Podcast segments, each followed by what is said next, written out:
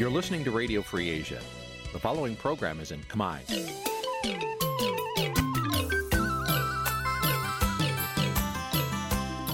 នេះជាកម្មវិធីផ្សាយ Vuthu Azizi Serai នេះជាកម្មវិធីផ្សាយរបស់ Vuthu Azizi Serai ជាភាសាខ្មែរ Vuthu Azizi Serai សូមស្វាគមន៍លោកអ្នកនាងទាំងអស់ពីរដ្ឋធានី Washington នៃសហរដ្ឋអាមេរិក ផ្សាយផ្ទាល់ពីរដ្ឋធានី Washington នាងខ្ញុំខែសុណងសូមជម្រាបសួរលោកនាងកញ្ញាប្រិយមិត្តអ្នកស្ដាប់វិទ្យុអាស៊ីសេរីទាំងអស់ជាទីមេត្រី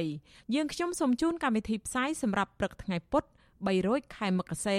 ឆ្នាំឆ្លូវត្រីស័កពុទ្ធសករាជ2565ដែលត្រូវនឹងថ្ងៃទី22ខែធ្នូគ្រិស្តសករាជ2021ចាជាដំបូងនេះសូមអញ្ជើញលោកនាងស្ដាប់ព័ត៌មានប្រចាំថ្ងៃដែលមានមេត្តាដូចតទៅ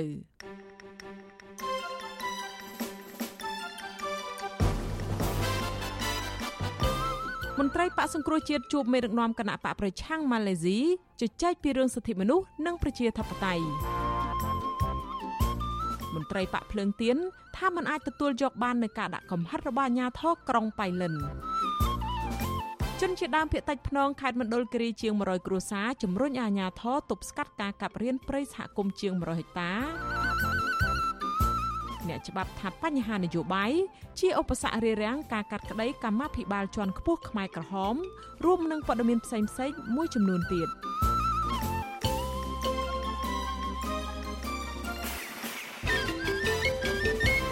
ចាជាបន្តទៅនេះនាងខ្ញុំខែសុណងសូមជូនព័ត៌មានទាំងនេះពិស្ដា ចាលោករនាងជាទីមេត្រីសាលារដ្ឋាភិបាលភ្នំពេញបើកកិច្ចប្រជុំបន្ទាន់មួយដើម្បីដោះស្រាយវិវាទការងារនៅក្រុមហ៊ុន Casino Naga World នៅថ្ងៃទី21ខែធ្នូម្សិលមិញ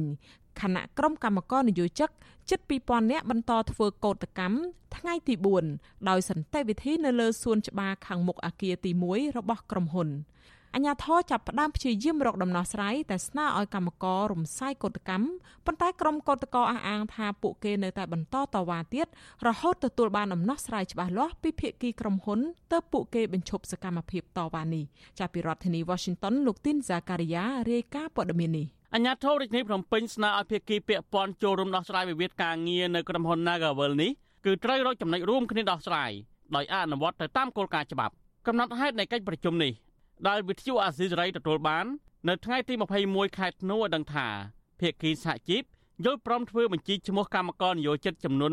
365នាក់ដោយបែងចែកចេញជាពីរក្រុមមួយក្រុមគឺចំនួនអ្នកដែលព្រមទទួលយកសំណងដើម្បីបញ្ឈប់ពីការងារប៉ុន្តែស្នើសុំទូទាត់សំណងនោះឲ្យបានត្រឹមត្រូវតាមច្បាប់ស្តីពីការងារហើយមួយក្រុមទៀតគឺចំនួនអ្នកចូលរួមបម្រើការងារវិញចំណែកឯភាគីក្រុមហ៊ុនត្រូវយកបញ្ជីឈ្មោះទូទាត់ប្រាក់សំណងឲ្យបុគ្គលិកជាង300នាក់ ដាក់ទៅក្រសួងការងារដើម្បីផ្ទៀងផ្ទាត់ស្របគ្នានេះអភិបាលរងរាជធានីភ្នំពេញលោកមានច័ន្ទយ៉ាដាប្រាប់ឲ្យថ្នាក់ដឹកនាំសហជីពផ្សាយដំណឹងអំពីលទ្ធផលនៃកិច្ចប្រជុំនេះទៅដល់កម្មករនយោជិតដែលកំពុងតែធ្វើកោតកម្មហើយប្រាប់ពួកគេឲ្យរំសាយការប្រមូលផ្ដុំគ្នាដើម្បីទុកពេលក្នុងការដោះស្រាយជាមួយអាជ្ញាធរ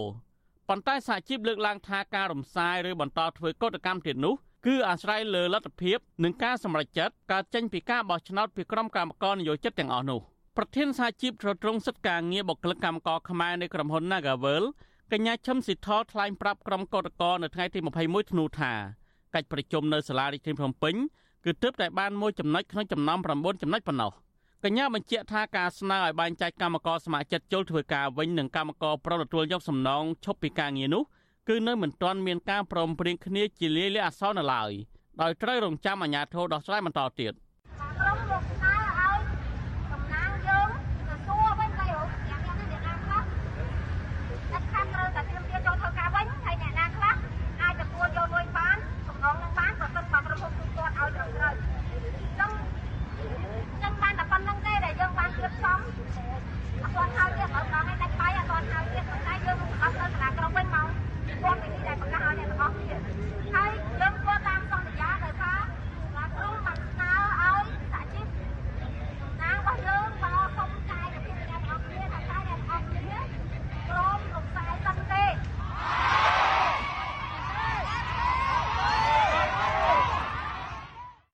បុគ្គលិកបម្រើការផ្នែកកាស៊ីណូម្នាក់ដែលចូលរួមធ្វើកតកម្មនេះគឺកញ្ញាជឹមរដ្ឋាបង្ហាញអារម្មណ៍សោកស្ដាយចំពោះលទ្ធផលនេះកញ្ញាបន្តថាក្រុមបុគ្គលិកជាង300នាក់រួមមានតំណាងសហជីពផងគឺមិនបានប្រព្រឹត្តកំហុសដោយការចោទប្រកាន់របស់ក្រុមហ៊ុននោះទេ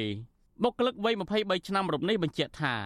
បើសិនជាភាគីក្រុមហ៊ុននៅតែមិនអាចផ្ដល់ដំណោះស្រាយពិតប្រាកដណាមួយសម្រាប់បុគ្គលិកជាង300នាក់នេះបានទេនោះកញ្ញាក៏ដូចជាកម្មករផ្សេងទៀតនៅតែបន្តធ្វើកោតកម្មទៀត ពិតជាមានអារម្មណ៍ថាអត់ពេញចិត្តជាមួយនឹងលទ្ធផលហើយពួកខ្ញុំអត់អាចរំសាយបានទេព្រោះពួកពួកខ្ញុំសម្រាប់ចិត្តមកធ្វើកោតកម្មនេះមិនមិនមែនជាជំរើសដំបូងដែលពួកខ្ញុំត្រូវជ្រើសទេពីព្រោះពួកខ្ញុំអាចជាសមាជិកដែលជាកម្មករនេះដែលគឺយើងជាយាមប្រើតាមវិធីច្បាប់យើងដោះស្រាយដោយសន្តិវិធីរយៈពេល8ខែហើយប៉ុន្តែអត់មានទទួលបានដំណោះស្រាយអីសោះយើងបញ្ចប់ទៅដល់ក្រុមប្រឹក្សាអាជ្ញាកណ្ដាលទៀតនៅតែអត់ដំណោះស្រាយអញ្ចឹងទៅវាជាជំរើសក្រុងចុងក្រោយដែលយើងយើងសម្រាប់ចិត្តថាយើងនឹងបោះឆ្នោតធ្វើកោតកម្មអញ្ចឹងពួកខ្ញុំអត់អាចដំស្រាយបានទេពួកខ្ញុំនៅខាងក្រៅរហូតទាល់តែមានដំណោះស្រាយមានការចរចាត្រឹមត្រូវដែលពួកខ្ញុំអាចទទួលយកបានទៅពួកខ្ញុំត្រឡប់ចូលធ្វើការវិញដូចដើមតើតើនៅរឿងនេះអ្នកគ្រប់គ្រងកម្មវិធីសិទ្ធិការងារនៃអង្គការសង្ត្រលលោកខុនថារ៉ូឲ្យដឹងថាគណៈមានកិច្ចប្រជុំចូលរួមពីគ្រប់ភាគីពាក់ព័ន្ធដើម្បីដោះស្រាយវិវាទការងារនៅថ្ងៃទី21ធ្នូនេះខាងសមាជិកឯណោះក៏មិនធូរបន្ថយនឹងអនុញ្ញាតឲ្យក្រុមកោតក្រអាចជួបជុំគ្នាតវ៉ានៅម្ដុំសួនច្បារមុខអគារទី1នៃក្រុមហ៊ុន Nagavel បានឡើងវិញដែរ លោកបន្តថាតបតការចរចាគ្នានេះនៅមិនទាន់មានលទ្ធផលជាផ្លូវការណាមួយក៏ដោយប៉ុន្តែវាមានចំណុចល្អមួយចំនួនក្នុងការផ្សះផ្សាដោះស្រាយវិវាទនេះព្រោះកន្លងមកភាគីក្រុមហ៊ុននៅតែប្រកាន់ចំហមិនទទួលយកបុគ្គលិកជាង300នាក់ឲ្យចូលធ្វើការវិញទេលោកសង្ឃឹមថាអាជ្ញាធរនឹងដោះស្រាយវិវាទនេះបន្តបន្តទៀតដើម្បីឲ្យភាគីទាំងពីរអាចឈានដល់កិច្ចព្រមព្រៀងផ្លូវការណាមួយដើម្បីបញ្ចប់ចំនួនការងារដែលអស់បន្លាយជាង8ខែមកនេះ ឥឡូវវាអាចជាសញ្ញាណវិជ្ជមានខ្លះដែរហើយខ្ញុំគិតថាប្រហែលជាអាចឈានទៅដល់នៃនៃការបង្កើតនៅកិច្ចព្រមព្រៀងមួយក្រៅពីហ្នឹងខ្ញុំឃើញថាដូចមិនទាន់មាននៅដំណោះស្រាយនៅឡើយទេនៅចំណុចទៀមទារបស់កម្មករយោជិតផ្សេងផ្សេងទៀតអញ្ចឹងណាប៉ុន្តែខ្ញុំគិតថាវាមានតែការចរចាគ្នាហើយការសម្បទានគ្នាហើយនឹងការយល់គ្នាទៅវិញទៅមកដើម្បីពិនិត្យមើលទៅនឹងលក្ខខណ្ឌដែលផ្ដល់ឲ្យបានហើយនឹងលក្ខខណ្ឌដែលទទួលយកបានរបស់ភាគីកម្មករយោជិតអញ្ចឹងទោះបីជានីតិវិធីនៅក្នុងការចរចានឹងនៅនៅតែបន្តកម្មករនិយោជិតគាត់នៅអាចប្រើប្រាស់សិទ្ធិរបស់គាត់បន្តនៅក្នុងការធ្វើកោតកម្មដោយសន្តិវិធីដើម្បីឈានទៅដល់នៅដំណោះស្រាយមួយសមរម្យដែលពួកគាត់អាចទទួលយកបានណាគិតមកទល់ពេលនេះក្រុមកម្មករនយោជិតក្រុមហ៊ុន Nagavel នាំគ្នាធ្វើកោតកម្មដោយសន្តិវិធីអស់រយៈពេល4ថ្ងៃហើយដើម្បីឲ្យថៅកែប្រំទទួលយកថ្នាក់ដឹកនាំសហជីពនិងបុគ្គលិកសរុបជាង300នាក់ដែលក្រុមហ៊ុនបញ្ឈប់ពីការងារកន្លងមកឲ្យចូលធ្វើការវិញក្រុមអង្គការសង្គមស៊ីវិលស្នើដល់ប្រធានក្រុមហ៊ុន Nagavel គួរធ្វើការចរចាជាមួយតំណាងសហជីពដើម្បីស្វែងរកដំណោះស្រាយសមស្របមួយដែលភាគីទាំងពីរអាចទទួលយកបានប្រកបដោយភាពស្មោះត្រង់និងបញ្ឈប់រាល់ការរើសអើងនិងធ្វើទុកបុកម្នេញទៅលើសហជីពតទៅទៀត ខ្ញុំទីនសាការីយ៉ាអស៊ីសេរីប្រធានីវ៉ាស៊ីនតោនចាលោករនាងជាទីមេត្រីសាលាដំបងរាជធានីភ្នំពេញបន្តសវនាការជំនុំជម្រះក្តីសកម្មជនគណៈបកប្រឆាំង5នាក់ពាក់ព័ន្ធនឹងគម្រោងវិលត្រឡប់ចូលស្រុករបស់លោកសំរងស៊ីកាលពីឆ្នាំ2019ពេលសួរដេញដោលនោះសកម្មជនគណបកប្រឆាំងដែលកំពុងជាប់ឃុំគឺលោកទុំប៊ុនថនដែលបានកោសក់របស់ខ្លួនពីក្នុងពន្ធនាគារលោកបានដោះអាវនៅក្នុងបន្ទប់សវនាការ ដើម្បីបង្ហាញការមិនពេញចិត្តចំពោះតុលាការដែលមិនផ្ដល់ឱកាសឲ្យលោកនិយាយនៅក្នុងសវនាការនោះចាលោកសេកបណ្ឌិតរាយការណ៍ព័ត៌មាននេះតុលាការនៅតែបន្តសាកសួរសកម្មជនបកប្រឆាំងពីទំនាក់ទំនងរបស់ពួកគេជាមួយនឹងថ្នាក់ដឹកនាំគណៈបកសង្គ្រោះជាតិនៅក្រៅប្រទេសនិងការចែករំលែកព័ត៌មានពី Facebook របស់លោកសំរាំងស៊ីនិងថ្នាក់ដឹកនាំគណៈបកសង្គ្រោះជាតិមួយចំនួនទៀតសវនកម្មនៅតុលាការក្រុងភ្នំពេញនៅថ្ងៃទី21ខែធ្នូ ពាក់ព័ន្ធនឹងសំណុំរឿងក្បត់ជាតិនិងករណីញុះញង់ប្រធានក្រុមប្រឹក្សាជំនុំជម្រះគឺលោកចៅក្រមរស់ពិសិដ្ឋនៃសាលាដំបងរាជធានីភ្នំពេញនិងតំណាងអាយកាគឺព្រះរាជអាជ្ញារងសេងហៀងសកម្មជនបកប្រឆាំងដែលបានចូលបំភ្លឺក្នុងបន្ទប់សវនាការមាន5នាក់ក្នុងនោះ3នាក់ជាអ្នកជាប់ឃុំរួមមានលោកហេងច័ន្ទសុធី លោកកកុម្ភាលោកទុំមន្ថន និងសកម្មជន2នាក់ផ្សេងទៀតនៅក្រៅឃុំ គឺសមាជិកក្រុមប្រឹក្សារាជធានីភ្នំពេញនិងជាប្រធានចលនាស្ត្រីគណៈបកសង្គ្រោះជាតិគឺអ្នកស្រីយុគនាងព្រមទាំងសមាជិកក្រុមប្រឹក្សាសង្កាត់បឹងសាឡាងនៃរាជធានីភ្នំពេញគឺអ្នកស្រីហងសុផារីសកម្មជនគណបកប្រឆាំងកំពុងជាប់ឃុំម្នាក់គឺលោកទុំមន្ថនបានបង្ហាញការតស៊ូមតិរបស់ខ្លួនដោយលោកបានកោសក់ពីក្នុងពន្ធនាគារ និងដោះអាវនៅចំពោះមុខក្រុមជំនុំជម្រះនៅក្នុងបន្ទប់សវនាការប្រពន្ធរបស់សមាជិកក្រុមប្រឹក្សារាជធានីភ្នំពេញជាប់ឆ្នោតនៃគណៈបកសង្គ្រោះជាតិលោកកកកំភៀគឺអ្នកស្រីព្រំចន្ទថាដែលបានចូលរួមស្ដាប់នៅក្នុងសវនាការដែរនោះបានឲ្យវិទ្យុអស៊ីសេរីដឹងថាលោកទុំមន្ថនបានស្នើសុំផ្ដល់ចម្លើយជាច្រើនដងនៅក្នុងបន្ទប់សវនាការប៉ុន្តែតុលាការមិនអនុញ្ញាតឲ្យលោកនិយាយនោះទេទើបធ្វើឲ្យសកម្មជនរូបនេះ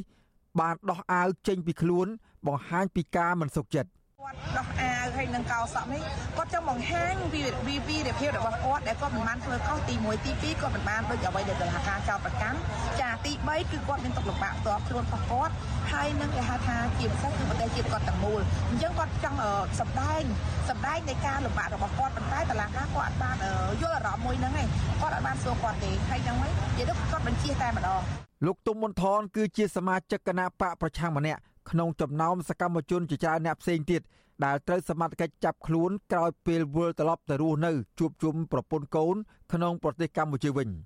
លោកបានជាប់ឃុំចំនួន2ដងរួចមកហើយគឺលើកទី1ក្នុងព្រឹត្តិការណ៍9វិច្ឆិកាឆ្នាំ2019និងលើកទី2កាលពីថ្ងៃទី29ខែកញ្ញាតកតូននឹងករណីលោកទុំមន្ថននេះដែរ នាយករងទទួលបន្ទុកកម្មវិធីឃ្លាំមើលសិទ្ធិមនុស្សនៃអង្គការលីកាដូលោកអមសំអាតដែលមានក្រុមការងាររបស់លោកចុះទៅឃ្លាំមើលអង្គសវនាការនៅតុលាការនោះដែរបានដឹងថា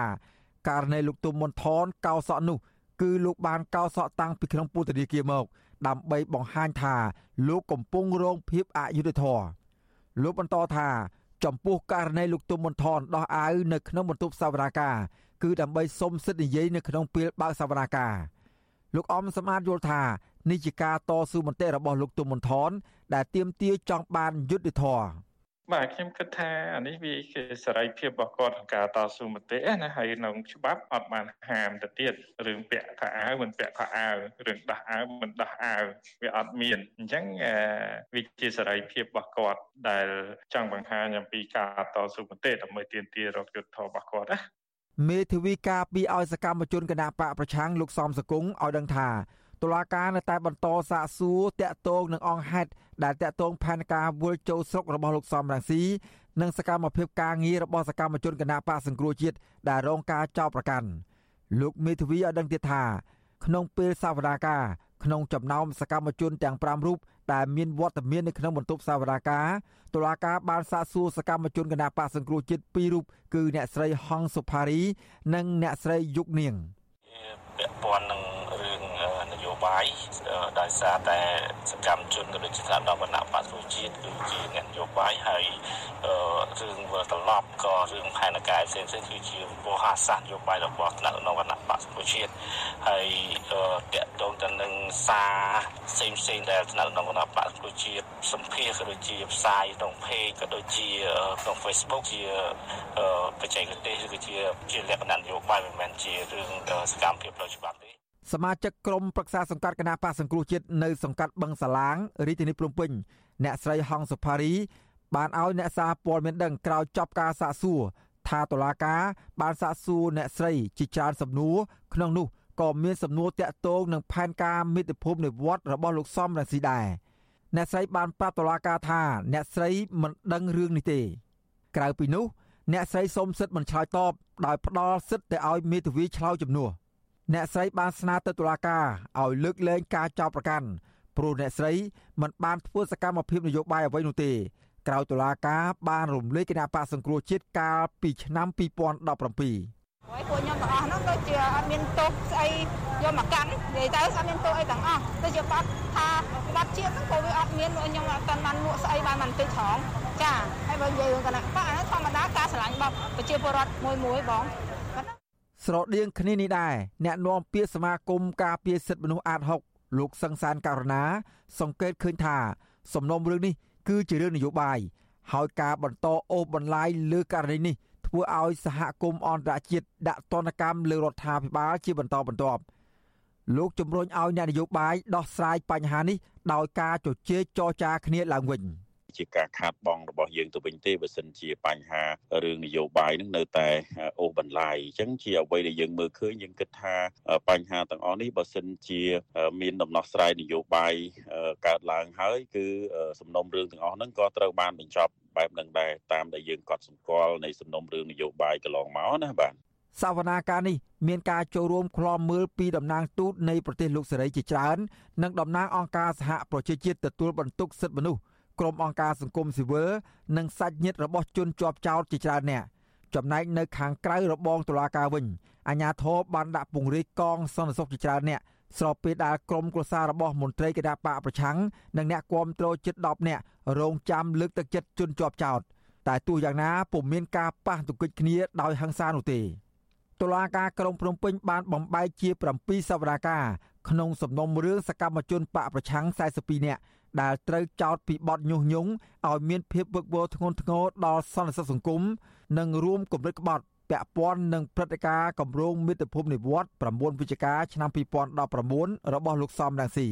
តុលាការនឹងបន្តជំនុំជម្រះក្តីលើសំណុំរឿងនេះបន្តទៀតនៅថ្ងៃទី28ធ្នូខាងមុខដោយមានការសាកសួរអ្នកជំនាញខាងច្បាប់និងនយោបាយអន្តរជាតិកញ្ញាសេងធីរីដែលកំពុងរស់នៅប្រទេសកម្ពុជា ក្រៅពីនេះមានលោកសំរងស៊ីនិងថ្នាក់ដឹកនាំសំខាន់សំខាន់របស់គណៈបកសង្គ្រោះជាតិមួយចំនួនទៀតដែលត្រូវបានរដ្ឋាភិបាលរារាំងពួកគេមិនឲ្យចូលក្នុងស្រុកដើម្បីមកបំភ្លឺនៅមុខតុលាការនោះខ្ញុំបាទសេកបណ្ឌិតវិទ្យុអាស៊ីសេរីពីរដ្ឋធានីវ៉ាស៊ីនតោនអាស៊ីសេរី ចាលោកនាងកញ្ញាជាទីមេត្រីចាតកតងទៅនឹងរឿងសកម្មភាពរបស់គណៈបកភ្លើងទៀនឯនេះវិញអាញាធរក្រុងបៃលិនបានដាក់កំហិត4ចំណុចទៅលើមន្ត្រីគណៈបកភ្លើងទៀនក្នុងពេលជួបប្រជុំពិភាក្សាគ្នាអំពីការលើកស្លាកគណៈបកនេះនៅថ្ងៃទី23ខែធ្នូខាងមុខចំណុចទាំងនោះរួមមានត្រូវអនុវត្តតាមការណែនាំរបស់ក្រសួងសុខាភិបាលឲ្យបានខ្ជាប់ខ្ជួនត្រូវកំណត់អ្នកចូលរួមមិនឲ្យលើសពី75នាក់ ហាមនិយាយប៉ះពាល់ដល់ថ្នាក់ដឹកនាំនិងហាមនិយាយញុះញង់បំផិតបំភ័យ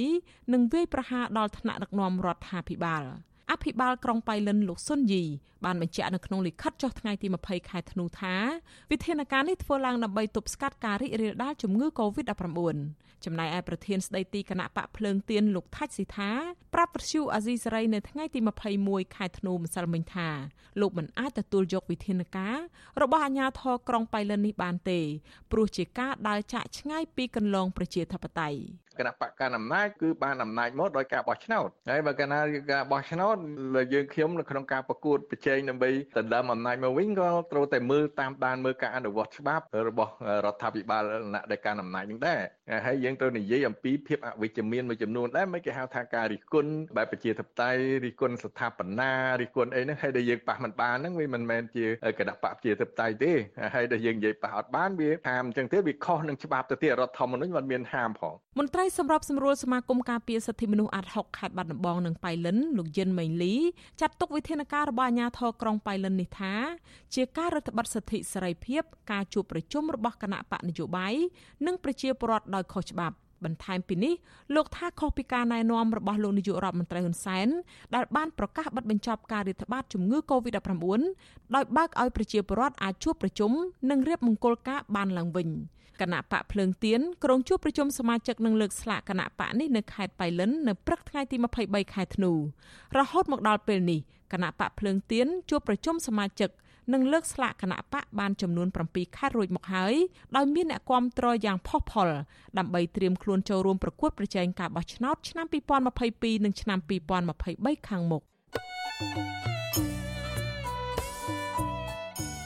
ចាលោករនាងជាទីមេត្រីវិទ្យុអាស៊ីសេរីផ្សាយតាមរយៈរលកធារកាសខ្លីឬ short wave តាមកម្រិតនិងកម្ពស់ដូចតទៅនេះ ពេលព្រឹកចាប់ពីម៉ោង5កន្លះដល់ម៉ោង6កន្លះតាមរយៈរលកធារកាសខ្លី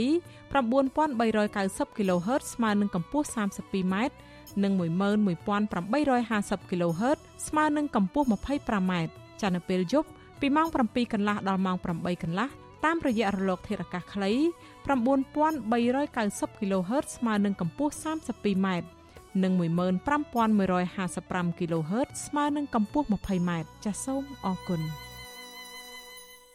ចាលោកនាងជាទីមេត្រីងាកទៅរឿងក្នុងសាលាក្តីខ្មែរក្រហមឯនោះវិញអ្នកច្បាប់យល់ស្របគ្នាថាបញ្ហាដែលមិនអាចកាត់ក្តីអតីតកម្មាភិបាលជាន់ខ្ពស់ខ្មែរក្រហមបន្ថែមទៀតនោះគឺមិនមែនមកពីរឿងខ្វះយុត្តាធិការឬដែនសមត្ថកិច្ចនោះទេប៉ុន្តែវាមកពីបញ្ហានយោបាយចាលោកមួងណារ៉េតរាយការណ៍ព័ត៌មាននេះប្រតិកម្មរបស់អ្នកច្បាប់ កើតមានឡើងក្រោយសហព្រាអាញាជាតិនិងអន្តរជាតិនៃសាលាក្តីខ្មែរក្រហម បន្តខ្វែងយោបល់គ្នាទៀតក្នុងសំណុំរឿងលោកមាសមុតអតីតមេយោធាខ្មែរក្រហមសហបរិយាអាញាអន្តរជាតិកាលពីថ្ងៃទី20ខែធ្នូ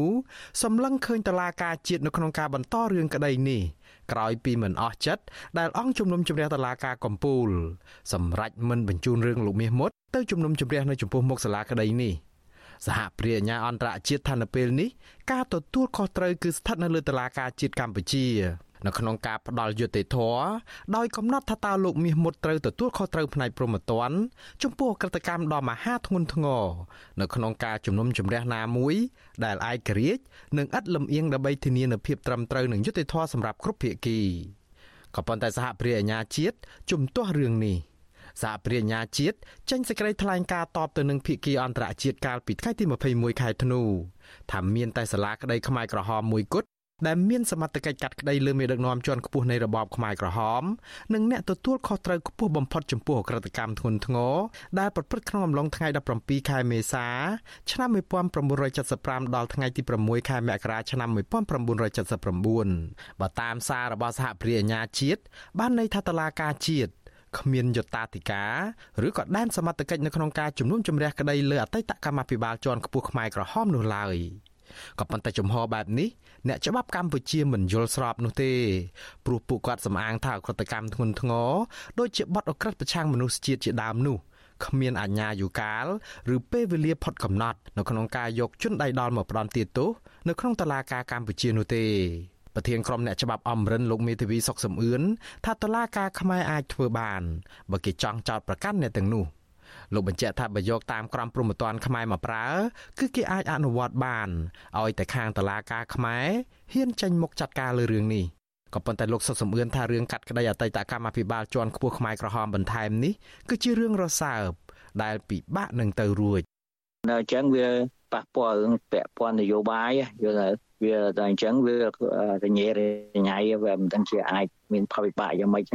អតីតមេតកខ្មែរខំទាំងអត់ចាប់ផ្ដើមអានេះភ័យព្រួយខ្លួនឯងអញ្ចឹងទៅវាទៅជាដែលមានបញ្ហាញ៉េញ៉ៃកើតឡើងសាលាក្តីខ្មែរក្រហម រងការរិះគន់តាំងពីដើមទីថាមិនអាចរកយុត្តិធម៌ពិតប្រាកដជូនជនរងគ្រោះនៃរបបខ្មែរក្រហមនេះបាននោះឡើយដោយសារតែការជ្រៀតជ្រែកផ្នែកនយោបាយ ជាក់ស្ដែងលោកនាយរដ្ឋមន្ត្រីហ៊ុនសែនដែលជាអតីតកម្មាភិបាលយោធាខ្មែរក្រហមមួយរូបដែរនោះតែងតែថ្លែងសារគម្រាមបិទសាលាក្តីនេះនៅពេលដែលដឹងថាភាគីអន្តរជាតិចាប់ផ្ដើមកសាងសំណុំរឿងដើម្បីចោទប្រកាន់កម្មាភិបាលខ្មែរក្រហមបន្ថែមឲ្យលើសពីសំណុំរឿង001និង002 ក៏ប៉ុន្តែភាគីអន្តរជាតិមិនលុះក្រោមសម្ពាធនឹងការគម្រាមកំហែងនេះទើបពួកគេបន្តនីតិវិធីស៊ើបអង្កេតលើអតីតកម្មាភិបាលជាន់ខ្ពស់ខ្មែរក្រហមជាច្រើនរូបផ្សេងទៀតមានដូចជាលោកមាសមុតលោកយឹមតិតលោកអោអាន និងលោកស្រីអឹមចែមជាដើមអ្នកច្បាប់ខ្មែរមួយរូបទៀតសង្ឃឹមថាសាលាក្តីខ្មែរក្រហមដើរតួជាគំរូសម្រាប់តុលាការជាតិធ្វើតាមរឿងដំណើរការរកយុត្តិធម៌ ក៏ប៉ុន្តែកិច្ចដំណើរការនីតិវិធីដែលភាគីជាតិនិងអន្តរជាតិខ្វែងយោបល់គ្នាគ្រប់ដំណាក់កាលបែបនេះធ្វើឲ្យលោកភ្ញាក់ផ្អើលនិងច្របូកច្របល់សូម្បីតែលោកជាអ្នកបានរៀនសូត្រចេះដឹងផ្នែកច្បាប់ក៏ដោយមេធាវីនៃការិយាល័យច្បាប់ Rice and Business លោកសេកសាភ័ណ្ឌថាសហព្រាអាញាជាតិនិងអន្តរជាតិមានសិទ្ធិនៅក្នុងការយល់ឃើញរបស់ខ្លួនក៏ពិតមែនហើយក៏ប៉ុន្តែលោកយល់ស្របតាមភាគីអន្តរជាតិថានៅក្នុងក្របខ័ណ្ឌនៃច្បាប់ បើកាលណាការស៊ើបអង្កេតណាមួយរកឃើញអង្គហេតុនិងភ័ស្តុតាងនៃការប្រព្រឹត្តអក្រកម្មធ្ងន់ធ្ងរតឡាការជាតិត្រូវមានយតាធិការឬក៏ដែនសមត្ថកិច្ចនៅក្នុងការផ្ដន់ទាទោសអតីតកម្មាភិបាលជាន់ខ្ពស់ខ្មែរក្រហម ដែលបានប្រព្រឹត្តបទល្មើសទាំងនោះលោកថាការផ្ដន់ទាទោសទៅតាមច្បាប់ចែងនេះជួយលុបបំបាត់អំពើនីតិរដ្ឋភាពផង និងជួយស្រាយចម្ងល់របស់សាធារណជនទូទៅ ជាពិសេសជនរងគ្រោះអំពីភាពមិនប្រក្រតីនៃកិច្ចដំណើរការនីតិវិធីនេះដែរ ជាក្រមអន្តរជាតិឬក៏ប្រាជ្ញាអន្តរជាតិហ្នឹងគាត់ធ្វើការសន្និដ្ឋានថាមានបទល្មើសហើយអញ្ចឹងត្រូវបញ្ជូនទៅជំនុំជម្រះចំណែកឯខាងភាគីកម្ពុជាថាអត់មានអញ្ចឹងវាគួរតែមានហេតុផលមួយបញ្យល់ដល់ប្រជាជាតិខ្មែរដែរព្រោះខ្ញុំក៏ជាអ្នករងគ្រោះផ្ទាល់ខ្លួនណាណាក្នុងរឿងហ្នឹងពុកខ្ញុំក៏ស្លាប់ពូខ្ញុំក៏ស្លាប់ប្អូនខ្ញុំក៏ស្លាប់ក៏ខ្ញុំមិនបានតាំងខ្លួនជាដើមមិនដឹងរត់វេនីមែនប៉ុន្តែខ្ញុំក៏តាមដានរឿងហ្នឹងដែរវាវាយ៉ាងម៉េចណា ជនរងគ្រោះនៃរបបខ្មែរក្រហម ដែលបានបាត់បង់ឪពុកម្ដាយនិងធ្លាប់ជាប់គុកនៅក្នុងសម័យខ្មែរក្រហមហើយបានចូលរួមដំណើរការក្តីនៅក្នុងនាមជាដើមបណ្ដឹងរដ្ឋបវេនីនៅសាលាក្តីខ្មែរក្រហមថាជំហររបស់ព្រះញ្ញាជាតិនៅក្នុងការជំទាស់រឿងកាត់ទោសមន្ត្រីជាន់ខ្ពស់ខ្មែរក្រហមបន្ថែមទៀតនេះគ្មានរឿងអ្វីដែលត្រូវភ្ញាក់ផ្អើលតទៅទៀតនោះទេកញ្ញាសេងធីរីដែលបច្ចុប្បន្នជាអ្នកជំនាញផ្នែកច្បាប់ និងនយោបាយអន្តរជាតិថាកញ្ញាឈប់ភ្ញាក់ផ្អើលព្រោះកញ្ញាថាកញ្ញាស៊ាំនឹងការជ្រៀតជ្រែកផ្នែកនយោបាយមកលើភាគីជាតិនៃសាលាក្តីខ្មែរក្រហមនេះទៅហើយកញ្ញាថាសហព្រាញ្ញាជាតិបកស្រាយមិនត្រឹមត្រូវតាមច្បាប់ រឿងថាតឡាការជាតិមិនអាចកាត់ទោសពួកខ្មែរក្រហមបានកញ្ញាថាសាលាក្តីខ្មែរក្រហម គឺជាអង្គជំនុំជម្រះវិសាមញ្ញនៅក្នុងតឡាការកម្ពុជា ដែលអនុវត្តតាមប្រព័ន្ធច្បាប់ជាតិជាគោលដូច្នេះបើអត់ពីសាលាក្តីខ្មែរក្រហមក៏តឡាការជាតិមានយុត្តាធិការឬក៏ដែនសមត្ថកិច្ចគ្រប់គ្រាន់ក្នុងការកាត់ទោសកម្មាភិបាលខ្មែរក្រហមទាំងនោះ បើទោះបីជាយ៉ាងនេះក្តីកញ្ញាថាកញ្ញាគ្មានសង្ឃឹមថាតឡាការជាតិមានភាពឯករាជ្យនិងឥតលំអៀងនៅក្នុងការកាត់ក្តីរឿងនេះបាននោះឡើយម្យ៉ាងទៀតកញ្ញាថាសំណុំរឿងនៅចំពោះមុខសាលាក្តីខ្មែរក្រហមនេះបានអូសបន្លាយពេលយូរពេកណាស់ទៅហើយ។សំណុំរឿងលោកមាសមុតរងការខ្វែងយោបល់គ្នាគ្រប់ដំណាក់កាល ជារួមភាគីជាតិទាំងពរាជអាជ្ញា ចៅក្រមស៊ើបអង្កេតចៅក្រមអង្គបរិយជំនុំជម្រះនឹងតឡាការកំពូលផងយល់ស្របគ្នាដោយជំទាស់មិនអោយកាត់ទោសលោកមាសមុតនោះឡើយដោយសំអាងថាលោកមិនមែនជាមេដឹកនាំជាន់ខ្ពស់ឬអ្នកទទួលខុសត្រូវខ្ពស់បំផុតនៅក្នុងសម័យខ្មែរក្រហមក៏ប៉ុន្តែភាគីអន្តរជាតិយល់ផ្ទុយពីនេះដោយសំអាងថាមានភ័ស្តុតាងគ្រប់គ្រាន់ដែលថាលោកមាសមុតពិតជាមានទួនាទីនឹងការទទួលខុសត្រូវខ្ពស់នៅក្នុងរបបនោះ បើទោះបីជាយ៉ាងនេះក្តីកិច្ចដំណើរការនីតិវិធីនៅក្នុងសំណុំរឿងលោកមាសមុតដែលអូសបន្លាយពេលជាង13ឆ្នាំមកហើយនេះគឺត្រូវបិទបញ្ចប់ដោយបន្សល់ទុកនៅកេរដំណែលនៃការខ្វែងយោបល់គ្នាដ៏ចាក់ស្រេះនិងភាពមិនអស់ចិត្តរបស់ភាគីអន្តរជាតិនេះក៏ប៉ុន្តែការសម្រេចនេះគឺស្របតាមការចង់បានរបស់លោកនាយរដ្ឋមន្ត្រីហ៊ុនសែនដែលតែងតែគម្រាមឲ្យបិទសាលាក្តីនេះបើហ៊ានកាត់ក្តីអតីតកម្មាភិបាលខ្មែរក្រហមបន្ថែមលើសពីសំណុំរឿង001និង002 ខ្ញុំបាទមុងណារ៉េត With you Azizi ប្រធានាធិបតី Washington ចាលោកនាងកញ្ញាជាទីមេត្រីចាតកតងទៅនឹងរឿងការសាងសង់អគារតុលាការថ្មីវិញលោកនាយករដ្ឋមន្ត្រីហ៊ុនសែនយល់ព្រមឲ្យក្រសួងយុតិធម៌លក់ដី140ហិកតានៃបឹងតមោកឬបឹងកប់ស្រូវដើម្បីយកថវិកាទៅប្រើប្រាស់សម្រាប់កសាងអគារតុលាការថ្មី និងជួសជុលអគារចាស់ៗឡើងវិញ។ក្រុមហ៊ុនឬបុគ្គលឯកជនអាចទិញដីនេះសម្រាប់ការអភិវឌ្ឍហេដ្ឋារចនាសម្ព័ន្ធផ្សេងៗ លិខិតរបស់លោកហ៊ុនសែនកាលពីថ្ងៃទី1ខែវិច្ឆិកាបានយល់ព្រមប្រគល់ដីចំនួន140ហិកតាទៅឲ្យក្រសួងយុតិធធនិងបញ្ជាឲ្យបង្កើតគណៈកម្មាធិការមួយដែលមានអភិបាលក្រុងភ្នំពេញលោកខួងស្រេងនិងមន្ត្រីពីក្រសួងយុតិធធនិងក្រសួងសេដ្ឋកិច្ចនិងហិរញ្ញវត្ថុដើម្បីពិនិត្យនីតិវិធីនៃការវាយតម្លៃនិងការលក់ដីនេះអ្នកសម្របសម្រួលគម្រោងធុរកិច្ច និងសិទ្ធិមនុស្សនៃមជ្ឈមណ្ឌលសិទ្ធិមនុស្សកម្ពុជាលោកវ៉ាន់សុផាត មានប្រសាសន៍ប្រាប់វិទ្យុអាស៊ីសេរីកាលពីយប់ថ្ងៃទី21ខែធ្នូថារដ្ឋាភិបាលកម្ពុជាមិនបានគិតគូរពីតម្រូវការចាំបាច់របស់ប្រជាពលរដ្ឋនោះឡើយប៉ុន្តែបែរជាអនុញ្ញាតឲ្យកាត់បឹងតាមុកប្រគល់ឲ្យស្ថាប័នរដ្ឋលក់ដូរនិងក្រុមហ៊ុនឯកជនធ្វើជាកម្មសិទ្ធិបុគ្គលទៅវិញគឺមានការផ្លាយតែទៅជាកាត់ដីឲ្យក្រសួងឲ្យឲ្យក្រសួងលក់យកលុយនឹងដើម្បីយកមក កសាងហេដ្ឋារចនាសម្ព័ន្ធអីវិញគឺថាអាហ្នឹងវាឆ្លុះបញ្ចាំងនៅពីអរិញសេដ្ឋកិច្ចរបស់គេវាទុនជ្រាយហើយវាអត់បានគិតគូរដល់អរិញពីរក្សាដីទុកសម្រាប់ប្រជាពលរដ្ឋឬមួយក៏យុវជនជំនាន់ក្រោយអីចឹងហើយសិនជាអញ្ចឹងទៅមនុស្សកាន់តែកើតហើយដីនឹងកាន់តែអស់ហើយដល់អញ្ចឹងទៅអាដីបំរុងទុកឬដីរដ្ឋហ្នឹងឃើញថាបច្ចុប្បន្ននេះ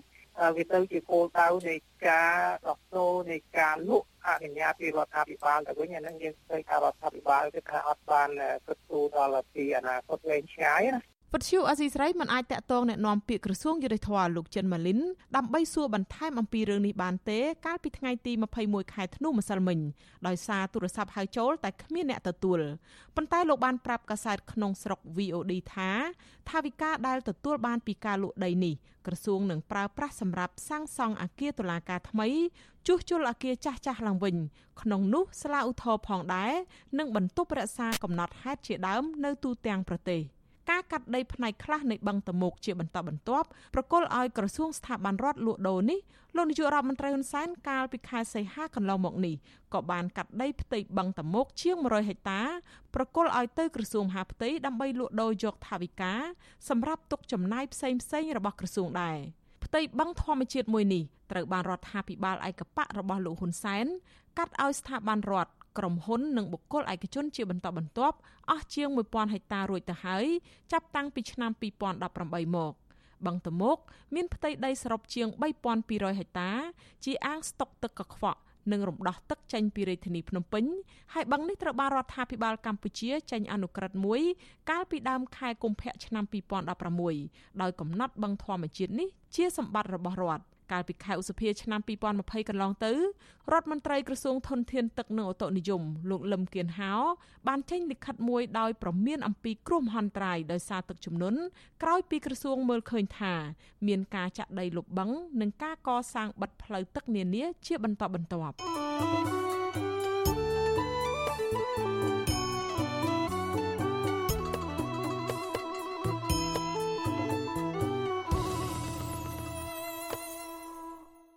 ចាលោកនាងកញ្ញាដែលកំពុងតាមដានស្ដាប់ការផ្សាយរបស់វិទ្យុអាស៊ីសេរីជាទីមេត្រីលោកនាងកំពុងស្ដាប់ការផ្សាយរបស់វិទ្យុអាស៊ីសេរីផ្សាយចេញពីរដ្ឋធានី Washington នៃសហរដ្ឋអាមេរិក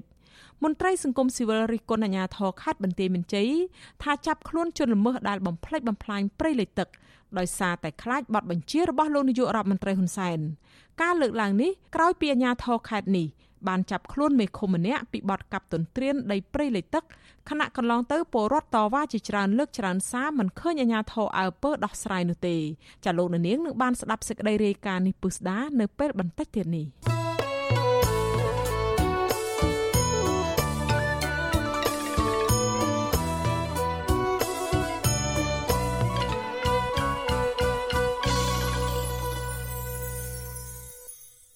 ចាលោកនាងជាទីមេត្រីតកតងទៅនឹងរឿងសកម្មភាពរបស់សកម្មជនគណៈបកសង្គ្រោះជាតិដែលកំពុងភៀសខ្លួននៅក្រៅប្រទេសឯនោះវិញមន្ត្រីគណៈបកសង្គ្រោះជាតិដែលកំពុងភៀសខ្លួននៅក្រៅប្រទេសបានជួបពិភាក្សាជាមួយមេដឹកនាំគណៈបកប្រឆាំងនិងមន្ត្រីជាន់ខ្ពស់រដ្ឋាភិបាលម៉ាឡេស៊ីដើម្បីស្នើរដ្ឋាភិបាលប្រទេសនេះជំរុញទៅរដ្ឋាភិបាលលោកហ៊ុនសែនឲ្យគោរពសិទ្ធិមនុស្សនិងស្ដារលទ្ធិប្រជាធិបតេយ្យឡើងវិញប៉ុន្តែមន្ត្រីជាន់ខ្ពស់គណៈបកកាន់អំណាចយល់ថាសកម្មភាពនេះ នឹងមិនបានផលអ្វីនោះទេមន្ត្រីគណៈបកសង្គ្រោះជាតិបានជួបពិភាក្សាជាមួយមេដឹកនាំគណៈបកប្រឆាំងដ៏ល្បីរបស់ប្រទេសម៉ាឡេស៊ីគឺលោកអាន់វ៉ាអ៊ីប្រាហ៊ីម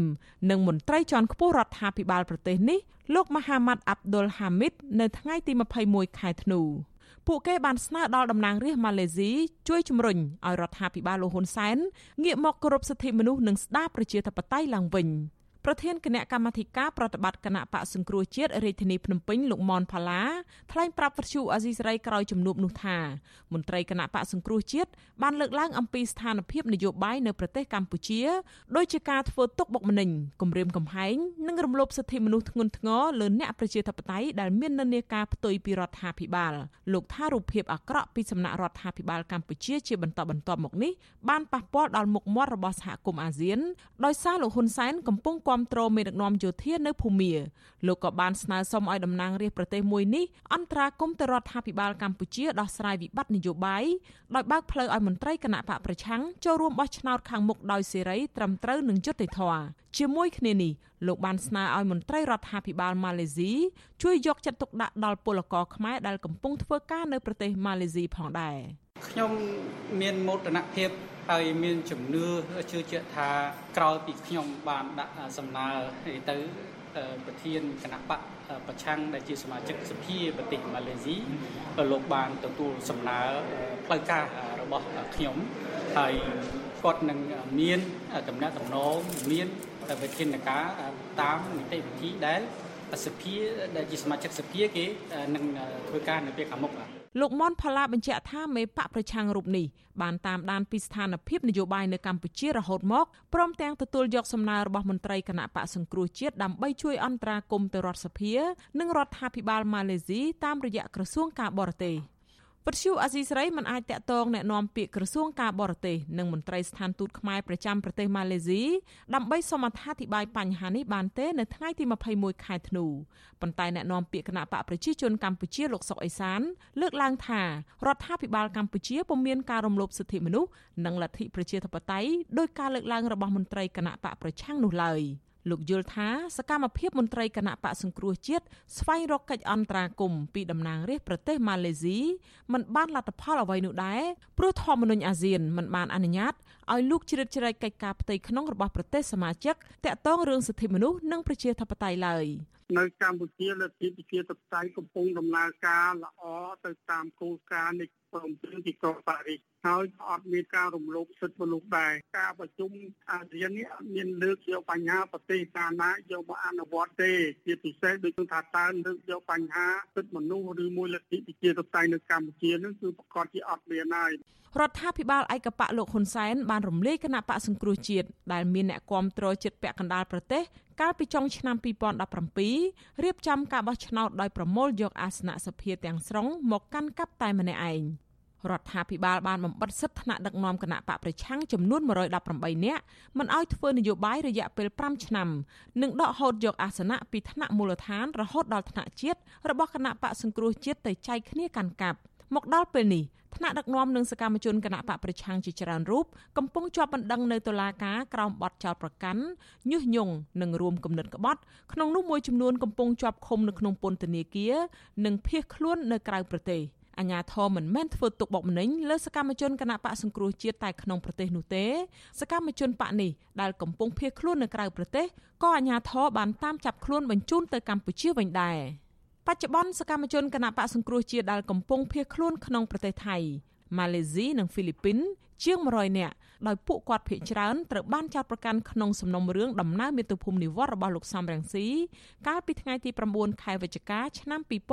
2019ជុំវិញរឿងនេះអគ្គលេខាធិការសហព័ន្ធនិស្សិតបញ្ញវន្តកម្ពុជាលោកគៀនពន្លក យល់ថាសកម្មភាពតស៊ូមតិនៅតាមប្រទេសក្នុងតំបន់អាស៊ានអាចមានប្រសិទ្ធភាពនិងជះឥទ្ធិពលដល់មុខមាត់រដ្ឋាភិបាលលើឆាកអន្តរជាតិហើយលើសពីនេះពួកគេនឹងទទួលបទពិសោធន៍តស៊ូមតិផ្នែកនយោបាយនិងលទ្ធិប្រជាធិបតេយ្យតាមរយៈការបោះឆ្នោតលោកជឿជាក់ថាក្រោយទទួលជំនួបជាមួយអ្នកប្រជាធិបតេយ្យឬតំណាងរាស្ត្រម៉ាឡេស៊ីរួចនោះប្រទេសដែលគោរពលទ្ធិប្រជាធិបតេយ្យមួយនេះអាចនឹងរកមធ្យោបាយជួយអន្តរាគមន៍ ក្រោមរូបភាពផ្សេងផ្សេងដើម្បីជំរុញឲ្យរដ្ឋាភិបាលកម្ពុជាបើកលំហការគោរពសិទ្ធិមនុស្សនិងប្រជាធិបតេយ្យឡើងវិញទាំងប្រទេសម៉ាឡេស៊ីក៏ដូចជាប្រទេសអាស៊ានដែលប្រកាន់យករបបប្រជាធិបតេយ្យហ្នឹងគេនៅតែទទួលស្គាល់គណៈបកសង្គ្រោះជាតិជាគណៈបកប្រឆាំងដ៏ធំជាងគេមានប្រជាប្រិយភាពជាងគេជាពិសេសគឺគណៈបកដែលពោទៅដោយអ្នកប្រជាធិបតេយ្យអញ្ចឹងគេនៅតែទទួលស្គាល់ហើយបញ្ហានេះហើយដែលធ្វើឲ្យគណៈបកកណ្ដាលអំណាចកំពុងតែឈឺក្បាលកំពុងតែព្រួយបារម្ភថា ស្ថានភាពខាងមុខនឹងអាចប៉ះពាល់ទៅដល់ការកាន់អំណាចមន្ត្រីគណៈបកសង្គ្រោះជាតិឲ្យដឹងទៀតថាក្រោយជួបពិភាក្សាជាមួយមេដឹកនាំប្រធានក្រុមតំណាងរាស្ត្រគណៈបកប្រឆាំងនៅម៉ាឡេស៊ីហើយពួកគេក៏គ្រងជួបមន្ត្រីរដ្ឋាភិបាល សមាជិកសភា និងគណៈបកផ្សេងទៀតផងដែរសហគមន៍ជាតិនិងអន្តរជាតិនិងគណៈបកសង្គ្រោះជាតិទទូចដល់រដ្ឋាភិបាលលោកហ៊ុនសែនឲ្យបញ្ឈប់ការធ្វើទុកបុកម្នេញលើអ្នកមាននានាការផ្ទុយពីរដ្ឋាភិបាលតទៅទៀត។ ហើយរដ្ឋាភិបាលត្រូវតែបើកលំហនយោបាយដើម្បីឲ្យប្រជាពលរដ្ឋអាចជ្រើសរើសគណៈបកនយោបាយដែលពួកគាត់ពេញចិត្តស្របតាមគោលការណ៍ប្រជាធិបតេយ្យឡើងវិញដើម្បីជៀសផុតពីសម្ពាធឬទណ្ឌកម្មនានារបស់អន្តរជាតិ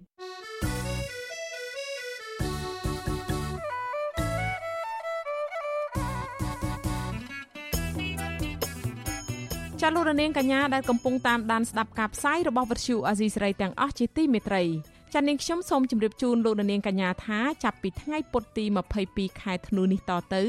យើងនឹងផ្អាកការផ្សាយចេញពីបន្ទប់ផ្សាយនៃទស្សនការធំរបស់វិទ្យុអាស៊ីសេរីជាបណ្ដោះអាសន្នសិន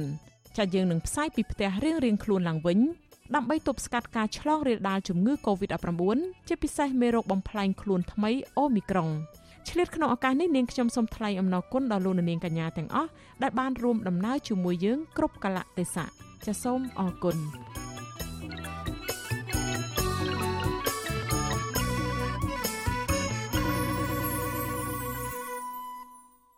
ចាលោករនាងកញ្ញាប្រិមម្នាក់ស្ដាប់ជាទីមេត្រីចំណែកឯជនជាដើមភៀតតិចភ្នងឯនោះវិញពួកគាត់ជាង100គ្រួសារបានលើកគ្នាទៅតវ៉ា3ថ្ងៃជាប់គ្នាដើម្បីទាមទារឲ្យអាជ្ញាធរខេត្តមណ្ឌលគិរីបញ្ឈប់សកម្មភាពកាប់ទន្ទ្រានដីព្រៃសហគមន៍អស់ជាង100ហិកតា ពីសំណាក់បុគ្គលមានលុយនិងមានអំណាចប្រជាសហគមន៍រិះគន់ថាអាញាធរខេត្តនេះមិនអើពើចាប់ជនល្មើសកាប់បំផ្លាញព្រៃឈើចាប់ពីរដ្ឋធានី Washington អ្នកស្រីម៉ៅសុធានីរាយការណ៍អំពីរឿងនេះ ជនជាតិដើមភាគតិចភ្នងទាំងនោះរស់នៅភូមិបុរដែតភូមិពូក្រូចនិងភូមិពូក្រែងក្នុងឃុំស្រែអំពមស្រុកពេជ្រដាខកចិត្តយ៉ាងខ្លាំងនៅគ្រាដែលក្តីកង្វល់នឹងបញ្ហាប្រឈមទាំងឡាយណា នៅមូលដ្ឋាន ត្រូវបានអាជ្ញាធរមើលរំលង អ្នកភូមិអះអាងថាប្រិយសហគមន៍ការពារធនធានធម្មជាតិដែលជាកន្លែងផ្ដល់តម្លៃសេដ្ឋកិច្ចតាក់ទាញភ្ញៀវទេសចរកំពុងទទួលរងការកាប់ទន្ទ្រាននិងឈូសឆាយដើម្បីយកដីធ្វើជាកម្មសិទ្ធិបុគ្គលសមាជិកសហគមន៍លោកលីហ៊ុនប្រាប់បច្ចុប្បន្នស៊ីស្រីនៅថ្ងៃទី21ខែធ្នូថាបច្ចុប្បន្នសកម្មភាពកាប់ទន្ទ្រានដីព្រៃសហគមន៍ នៅតែកើតមានច្រើនដោយសារគ្មានការទប់ស្កាត់នៅឡើយហើយបើទោះបីជាពួកលោកបានលើកគ្នាតវ៉ានិងប្តឹងទៅអាជ្ញាធរឲ្យដោះស្រាយយ៉ាងណាក្តីលោកបន្តថាក្រមជនល្មើសបានប្រើរណាយន្តពូថៅ និងគ្រឿងចាក់តម្រុកឈូសឆាយប្រិយសហគមន៍ជាដុំដុំដោយមួយកន្លែងពី20ហិកតាឡើងទៅ ដែលជាហេតុធ្វើហិនហោចព្រៃអភិរក្សនេះ លោកបន្ថែមថាតំបន់រមណីយដ្ឋានទឹកធ្លាក់អូផ្លាយដែលស្ថិតនៅចំចំណុចកណ្ដាលប្រៃសហគមន៍ក៏ត្រូវគេឈូសឆាយទន្ទ្រានអស់ជាង80ហិកតានៅរយៈពេលជាង1ឆ្នាំមកនេះដឹងស្រាប់ហើយយើងជាដើមគិតិចពួកយើងធ្លាប់តែទទួលផលពីប្រៃឈើដូចជាប្រសិទ្ធសិទ្ធផកផ្សិតជើងទៀនផ្សិតកងោកធ្វើកាប់វ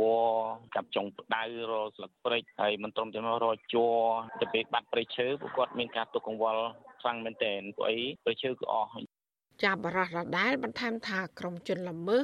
បានលបកាប់ទន្ទ្រានប្រិយសហគមន៍ជាបន្តបន្ទាប់តាំងពីឆ្នាំ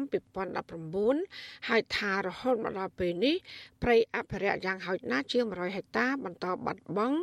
និងពុំឃើញអាជ្ញាធរណាឃាត់ខ្លួនជនល្មើសណាម្នាក់មកផ្ដន្ទាទោសតាមច្បាប់នៅឡើយ។ ប្រិយសហគមន៍ការពារធនធានធម្មជាតិមានផ្ទៃដីជាង3000ហិកតាបានចុះបញ្ជីទទួលស្គាល់ដោយក្រសួងកសិកម្មតាំងពីឆ្នាំ2013ស្ថិតនៅក្នុងភូមិពូរ៉ាដែតភូមិពូក្រូចនិងភូមិពូក្រែងឃុំស្រែអំពមស្រុកពេជ្រដា ប្រិយសហគមន៍នេះជាកន្លែងសែនព្រេនបែបប្រពៃណីជនជាតិដើមភាគតិចភ្នងដែលមានព្រៃឈើទឹកអូធម្មជាតិរមណីយដ្ឋានទឹកធ្លាក់អូផ្លាយនិងចម្រុកសត្វព្រៃជាដើមចាវជុស៊ីស្រីនៅមិនទាន់អាចតតងសុំការបំភ្លឺរឿងនេះពីអ្នកនាំពាក្យសាលាខេត្តមណ្ឌលគិរីលោកសុនសរុន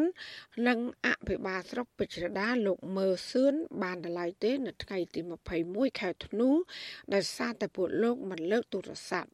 រីឯមេឃុំស្រែអំពមលោកសេងប៊ុនលឿនវិញក៏មិនអាចតតងបានដែរនៅថ្ងៃដដែលនេះប៉ុន្តែមេឃុំរូបនេះធ្លាប់ប្រាប់វិទ្យុអសីស្រីថាមានប្រជាសហគមន៍មួយចំនួន បានដណ្ដើមគ្នាកាប់ដីព្រៃសហគមន៍ធ្វើចំការរៀងរៀងខ្លួន ហើយនឹងមានបរិវត្តខ្លះទៀតបានលក់ដីព្រៃសហគមន៍នេះទៅឲ្យឈ្មួញលោកទទួលស្គាល់ថាដីព្រៃសហគមន៍ផ្នែកខ្លះមានការលក់ដូរបែបអនាធិបតេយ្យហើយលោកក៏បានរាយការណ៍ករណីនេះទៅថ្នាក់លើរួចហើយដែរ ជុំវិញរឿងនេះទីប្រឹក្សាបណ្ដាញសហគមន៍ជនជាដើមភតិចភ្នងខេត្តមណ្ឌលគិរី លោកគ្រឿងដុល្លារចាត់ទុកបាត់ល្មើសប្រឈើនេះ គឺជាអំពើពុករលួយជាប្រព័ន្ធពីព្រោះបាត់ល្មើសកើតឡើងនៅចំពោះមុខអាជ្ញាធរខេត្តមណ្ឌលគិរីលោកបន្តថាអាញាធរខ្វះចន្លោះច្រើនក្នុងការអនុវត្តច្បាប់ព្រៃឈើនិងមិនអើពើដោះស្រាយទុកកង្វល់របស់ប្រជាពលរដ្ឋ ចំណុចនេះហើយដែលយើងឃើញថាអាជ្ញាធរគាត់ខ្វះការយកចិត្តទុកដាក់ដល់ការពារប្រយោជន៍ទីធម្មជាតិនឹងហើយគាត់មិនអាចចាប់ជនល្មើសហើយបើសិនជាជាប្រព័ន្ធធ្វើស្រែកការទីទួចគាត់មានវិធានការជួយភ្លាមតែម្ដងប៉ុន្តែដល់ពេលឈ្មោះគឺគាត់មិនដែលពើទេបាទមន្ត្រីពង្រឹងសិទ្ធិអំណាចសហគមន៍មូលដ្ឋាននៃសមាគមអាត់ហុកលោកប៉ែនបណ្ណាមានប្រសាសន៍ថាការកាប់បំផ្លាញនិងឈូសឆាយដីព្រៃសហគមន៍ គឺជាបាត់ល្មើសអូក្រិតហើយដែលទាមទារអាជ្ញាធរខេត្តមណ្ឌលគិរីប្រញាប់ទប់ស្កាត់ជាបន្ទាន់លោកបន្តថាការតវ៉ានិងក្តីកង្វល់របស់ប្រជាពលរដ្ឋអាជ្ញាធរគួរតែយកចិត្តទុកដាក់ដោះស្រាយស្របតាមបទបញ្ជារបស់រដ្ឋាភិបាលកន្លងទៅលោកប៉ែនបណ្ណាននិងតំណាងសហគមន៍4រូបបានរួមគ្នាប្តឹងមន្ត្រីម្នាក់បម្រើការនរដ្ឋាភិបាលនិងមេប៉ុស្តិ៍រដ្ឋបាលស្រែអំពុំ ពីបទកាប់រៀនឈូសឆាយព្រៃនិងហុំព័ទ្ធកាន់កាប់ដីព្រៃខុសច្បាប់ប៉ុន្តែសំណុំរឿងនេះត្រូវបានតំណាងអាយកាខេត្តមណ្ឌលគិរីតម្កល់ឥតចាត់ការចាននាងខ្ញុំម៉ៃសុធានីវិទ្យុអាស៊ីស្រី ប្រធានាធិបតី Washington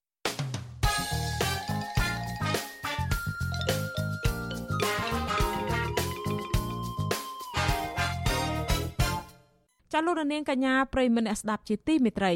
មន្ត្រីសង្គមស៊ីវិលរិះគន់អាជ្ញាធរខេត្តបន្ទាយមានជ័យថាចាប់ខ្លួនជនល្មើសដែលបំផ្លិចបំផ្លាញព្រៃលិចទឹកដោយសារតែខ្លាចបាត់បញ្ជារបស់លោកនាយករដ្ឋមន្ត្រីហ៊ុនសែនការលើកឡើងនេះក្រោយពីអាជ្ញាធរខេត្តនេះបានចាប់ខ្លួនមេឃុំម្នាក់ពីបទកាប់ទន្ទ្រានដីព្រៃលិចទឹកខណៈកន្លងទៅប្រជាពលរដ្ឋតវ៉ាជាច្រើនលើកច្រើនសារមិនឃើញអាជ្ញាធរអើពើដោះស្រាយនោះទេចាប់ពីរដ្ឋធានី Washington អ្នកស្រីសុជីវីរាយការណ៍អំពីរឿងនេះ មន្ត្រីសង្គមស៊ីវិលចង់ឃើញអាជ្ញាធរខេត្តបន្ទាយមានជ័យអនុវត្តច្បាប់ឲ្យមានប្រសិទ្ធភាពយូរអង្វែងគម្រោងចាំតែបទបញ្ជាពីប្រមុខរដ្ឋាភិបាលទើបមានវិធានការច្បាប់ប្រធានផ្នែកកម្មវិធីស្រាវជ្រាវនឹងតស៊ូមតិនៃសមាគមបណ្ដាញយុវជនកម្ពុជាលោកហេងកឹមហុងសាទរចំពោះចំណាត់ការរបស់រដ្ឋាភិបាលប៉ុន្តែលោកបារម្ភថាការអនុវត្តបទបញ្ជាធំជាងច្បាប់នឹងមិនអាចការពារធនធានធម្មជាតិបានយូរអង្វែងនោះទេ លោកចង់ឃើញអាជ្ញាធរគួរតែយកច្បាប់ជាមូលដ្ឋាន ក្នុងការទប់ស្កាត់បទល្មើសព្រៃឈើដើម្បីការពារផលប្រយោជន៍ជាតិនិងសេចក្តីសុខសាន្តរបស់ពលរដ្ឋលោកជំរុញឲ្យអាជ្ញាធរត្រូវអនុវត្តច្បាប់លើករណីនេះដោយមិនរើសមុខនិងចាត់វិធានការលើមន្ត្រីទាំងឡាយណាដែលជាប់ពាក់ព័ន្ធกับបំផ្លាញព្រៃលិចទឹក និងចូលទៅកាន់កាប់ដោយខុសច្បាប់នៅលើដីរបស់រដ្ឋអាជ្ញាធរថ្នាក់ក្រោមជាតិឬក៏អាជ្ញាធរថ្នាក់ជាតិនឹងក៏បីធ្វើការអនុវត្តច្បាប់ដែលមានស្រាប់ជាជាងរងចាំតែបទបញ្ជារបស់ថ្នាក់ជាតិឬក៏ពីសំណាក់ប្រមុខរដ្ឋាភិបាលតែម្យ៉ាងការអនុវត្តដោយផ្អែកទៅលើតែបទបញ្ជាគឺ ជារឿងមួយដែលអាចធ្វើទៅបានប៉ុន្តែវាអាចនឹងផ្លិចឬក៏អាចនឹងធ្វើឲ្យមិនមានលក្ខណៈរយៈពេលវែងបាទប៉ុន្តែបើសិនជាយកមូលដ្ឋានច្បាប់ជាគោលយកមូលដ្ឋានច្បាប់ជាមូលដ្ឋាននៅក្នុងការអនុវត្តខ្ញុំគិតថាមាននិរន្តរភាពជាងពីព្រោះអីច្បាប់យើងមានអស់ហើយកាលពីថ្ងៃទី20ខែធ្នូតុលាការខេត្តបន្ទាយមានជ័យបានសម្រេចឃុំខ្លួនមេឃុំភ្នំលៀបលោកអែមណុយជាបណ្ដោះអាសន្នពីបទកាប់ឆ្កាគាស់រៀនឈូឆាយ ហុំព័ទ្ធកាន់កាប់ដីព្រៃលិចទឹកផ្អែកតាមមាត្រា98នៃច្បាប់ជលផល ដែលប្រព្រឹត្តនៅតំបន់3ស្ថិតនៅក្នុងភូមិកំពង់ក្រសាំងនិងភូមិក្របៅឃុំភ្នំលៀបស្រុកប្រណិតព្រះកាលពីឆ្នាំ2017ដល់ឆ្នាំ2021កាលពីខែមិថុនាឆ្នាំ2021មានពលរដ្ឋជិត1000គ្រួសារបានផ្តិតមេដៃប្តឹងមេឃុំភ្នំលៀបលោកអែមណុយទៅរដ្ឋាភិបាល និងអាជ្ញាធរពាក់ព័ន្ធថ្នាក់ជាតិករណីមេឃុំរូបនេះ បានប្រព្រឹត្តអំពើល្មើសច្បាប់ជាច្រើនក្នុងនោះក៏មានសកម្មភាពលក់ដីព្រៃលិចទឹកនៅចំណុចរហាលសន្ទូងទំហំ120ហិកតាទៅឲ្យក្រុមឈ្មួញដោយខុសច្បាប់ប៉ុន្តែមិនឃើញអាជ្ញាធរណាអើពើដោះស្រាយនោះទេរហូតទាល់តែមានបទបញ្ជាពីលោកនាយករដ្ឋមន្ត្រីហ៊ុនសែនទើបអាជ្ញាធរចាត់វិធានការច្បាប់លើមេឃុំរូបនេះវិទ្យុអាស៊ីសេរីនៅមិនទាន់អាចតាក់ទងសុំការបំភ្លឺរឿងនេះពីអភិបាលខេត្តបន្ទាយមានជ័យលោកអ៊ុំរិត្រី និងអភិបាលស្រុកប្រណិតព្រះលោកខូពើបាននៅឡើយទេ នៅថ្ងៃទី21ខែធ្នូដោយទូរស័ព្ទហៅចូលតែគ្មានអ្នកលើកជុំវិញរឿងនេះមន្ត្រីពង្រឹងសិទ្ធិអំណាចសហគមន៍មូលដ្ឋាននៃសមាគមអាត6លោកប៉ែនប៊ុនណាទាមទាររដ្ឋាភិបាលត្រូវអនុវត្តច្បាប់ដល់មន្ត្រីរដ្ឋាភិបាលកម្ពុជាកម្ពុជាដែលជាប់ពាក់ព័ន្ធនឹងការកាប់ទន្ទ្រានដីព្រៃលិចទឹកលោកយល់ថាជនល្មើសពុំមែនមានតែមេឃុំម្នាក់នោះទេ ដែលជាប់ពាក់ព័ន្ធករណីនេះនៅមានមន្ត្រី និងអាជ្ញាធរជាច្រើនអ្នកទៀតលោកលើកទឹកចិត្តឲ្យពលរដ្ឋត្រូវក្លាហានដាក់ពាក្យប្តឹងបរិហាទៅតុលាការចំពោះមន្ត្រីទាំងឡាយណាដែលបណ្តែតបណ្ដោយឲ្យមានការកាប់បំផ្លាញព្រៃលិចទឹកដោយខុសច្បាប់នៅក្នុងដែនសមត្ថកិច្ចរបស់ខ្លួន។ ថាបាននីតិប្រតិបត្តិលោកមានសិទ្ធិក្នុងការបញ្ជាឲ្យនាំខ្លួនខាត់ខ្លួនលើមន្ត្រីបាទដើម្បីនាំខ្លួនមិនមែនខ្លួនជាអ្នកកាត់ទោសហើយខ្លួនជាអ្នកលើកលែងទោសទេគឺខ្លួនជាអ្នកបង្កសំណុំរឿងដាក់ទៅស្ថាប័នអัยការដើម្បីឲ្យតុលាការនឹងធ្វើការស្រាវជ្រាវស៊ើបអង្កេតរកយុត្តិធម៌ជូនរដ្ឋហើយនឹងជូនប្រទេសជាតិនៅពេលដែលមន្ត្រីទាំងអស់នោះធ្វើការបំផ្លិចបំផ្លាញ សម្បត្តិធនធានធម្មជាតិកាលពីសប្តាហ៍មុនអង្គភាពប្រឆាំងអំពើពុករលួយបានឃាត់ខ្លួនជនសង្ស័យ2នាក់និងស្នងការរងខេត្តកំពង់ឆ្នាំងលោកស៊ុំសុជាតិនិងម្នាក់ទៀតឈ្មោះកៅណារុនមានតួនាទីជាប្រធានការិយាល័យអន្តរាគមនៃស្នងការដ្ឋាននគរបាលខេត្តកំពង់ឆ្នាំងតាក់ទិននឹងករណីកាប់ព្រៃលិចទឹកនៅតំបន់3នៅក្នុងស្រុកកំពង់លែងខេត្តកំពង់ឆ្នាំងរបាយការណ៍របស់ក្រសួងដែនដីដែលចេញផ្សាយកាលពីថ្ងៃទី17ខែធ្នូឲ្យដឹងថា នៅរយៈពេល73សប្តាហ៍មកនេះមានពលរដ្ឋជាង9000គ្រួសារនៅក្នុងខេត្តចំនួន6បានឯកភាពប្រគល់ដីព្រៃលិចទឹក ដែលខ្លួនបានកាប់ទន្ទ្រានសរុបជាង40000ហិកតា ទៅឲ្យរដ្ឋាភិបាលវិញនាងខ្ញុំសុជីវីវិទ្យុអាស៊ីសេរីពីរដ្ឋធានី Washington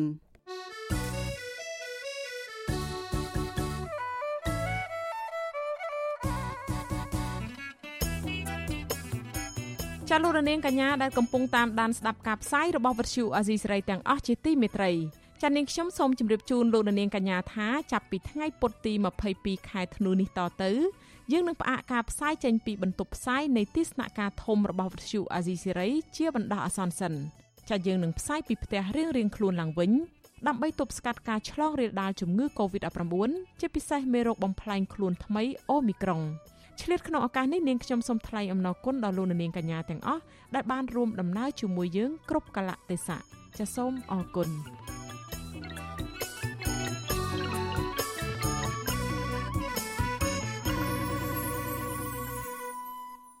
ចាលោកនាងកញ្ញាជាទីមេត្រីការការពារនិងថែទាំសុខភាពកុមារអំឡុងពេលរាតត្បាតជំងឺ Covid-19 គឺជាវិធីសាស្ត្រសំខាន់បំផុតសម្រាប់សហគមន៍ឬទីកន្លែងផ្សេងទៀត ដើម្បីយល់ដឹងអំពីស្ថានភាពអ្នកជំងឺវិធីការពារនិងការព្យាបាលខ្លួនឯងនៅផ្ទះឲ្យជាសះស្បើយនិងការកាត់បន្ថយការរាតត្បាតបន្តទៅកាន់មនុស្សជុំវិញខ្លួនតើវិធីសាស្ត្រអ្វីខ្លះដែលអាចការពារកុមារអំឡុងពេលរាតត្បាតជំងឺ Covid-19 ហើយបើសិនកុមារឆ្លងមេរោគនេះมันអាចញែកឲ្យនៅក្រៅបន្ទប់តែម្នាក់ឯងវិញតើលោកអ្នកត្រូវមើលថែពួកគេដោយរបៀបណាចាប់ពីរដ្ឋធានី Washington លោកសេកបណ្ឌិតសូមជូនសេចក្តីរាយការណ៍លម្អិតអំពីរឿងនេះ ការអនុវត្តវិធីសាស្ត្រការពារនិងថែទាំសុខភាពអំឡុងពេលរាតត្បាតជំងឺ Covid-19 អាចពិបាកសម្រាប់កុមារក៏ប៉ុន្តែឪពុកម្ដាយឬអាណាព្យាបាលគួរអត់ធ្មត់នឹងធ្វើជាគំរូល្អហើយកូនរបស់អ្នកនឹងធ្វើតាមអ្នកអង្គការ UNICEF បានណែនាំឲ្យអ្នកទាំងអស់គ្នាគួរអនុវត្តនិងពន្យល់ដល់កុមារដោយប្រើវិធីដែលស្របតាមវ័យដើម្បីឲ្យកូនកូនរបស់អ្នកស្វែងយល់អំពីស្ថានភាព បញ្ហាកំពុងកើតឡើងនាពេលបច្ចុប្បន្ននិងចេះការពារខ្លួនដោយរួមទាំងការកាត់បន្ថយការខ្វល់ខ្វាយរបស់ពួកគេផងដែរ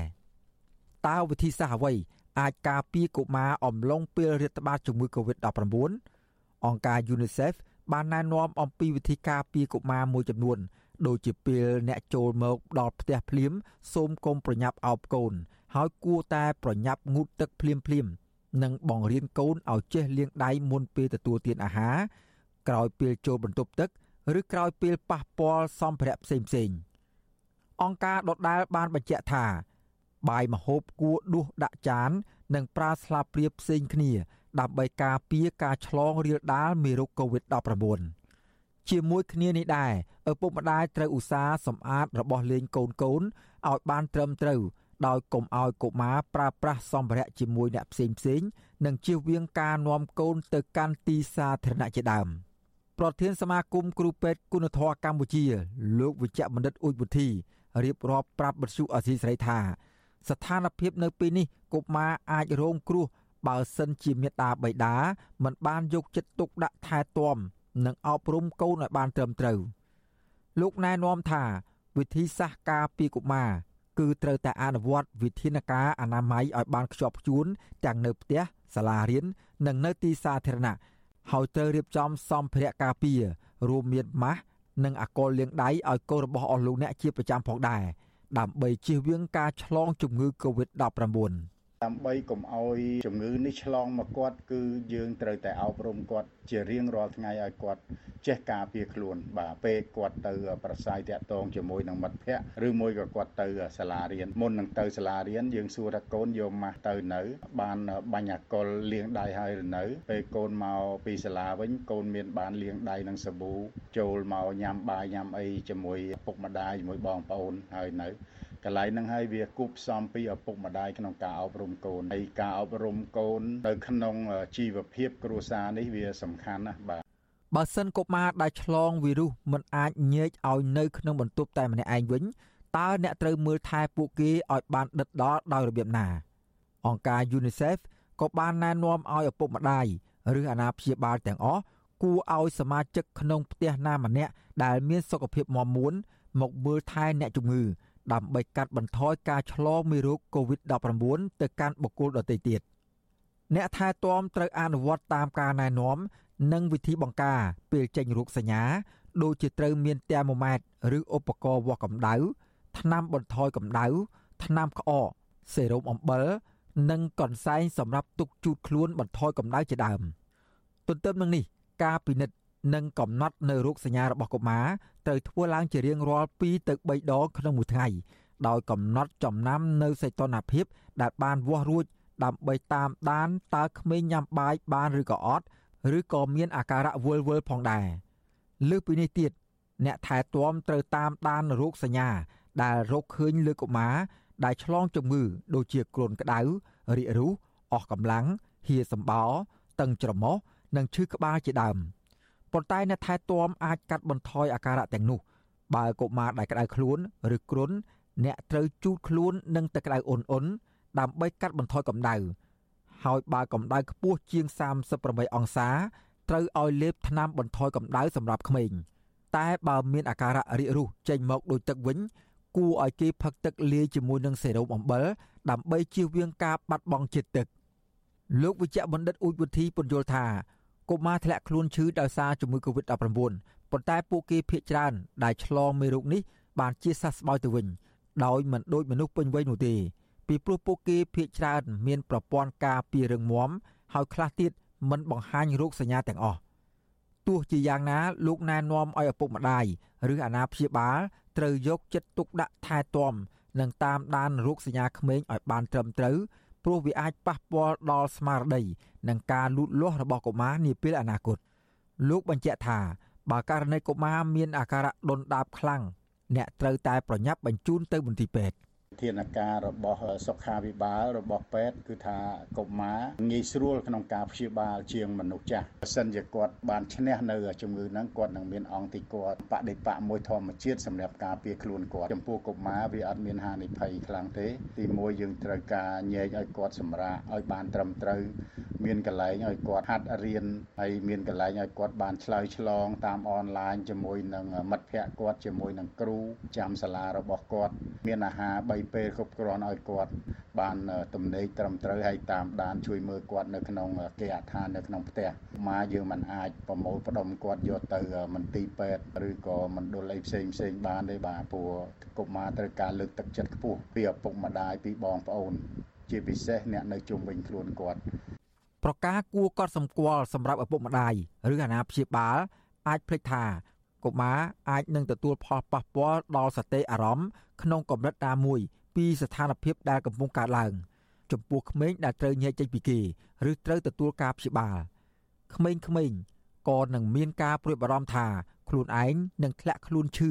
ដែលមានអាការៈធ្ងន់ធ្ងរឡើងធ្ងន់ធ្ងរឡើង ដោយសារពួកគេបានឃើញ ឬតាមការផ្សព្វផ្សាយព័ត៌មាន ឬដឹងពីមនុស្សក្នុងសហគមន៍ជុំវិញខ្លួន ដូច្នេះក្រៅពីការថែទាំអ្នកជំងឺដែលជាកុមារហើយនោះឪពុកម្ដាយឬអាណាព្យាបាលត្រូវតែថែទាំសុខភាពផ្លូវចិត្តកូនកូនដូចជាបង្ហាញភាពកក់ក្ដៅ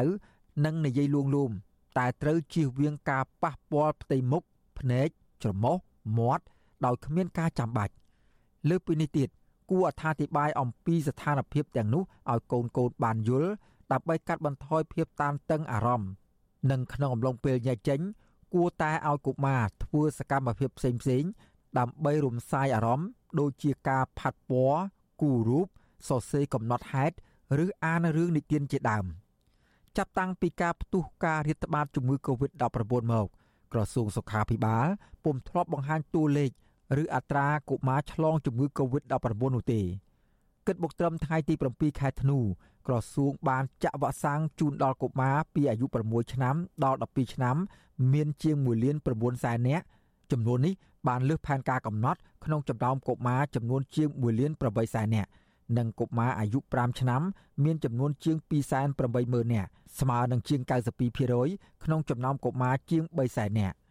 ខ្ញុំបាទសេកបណ្ឌិតវិទ្យុអាស៊ីសេរីពីរដ្ឋធានីវ៉ាស៊ីនតោន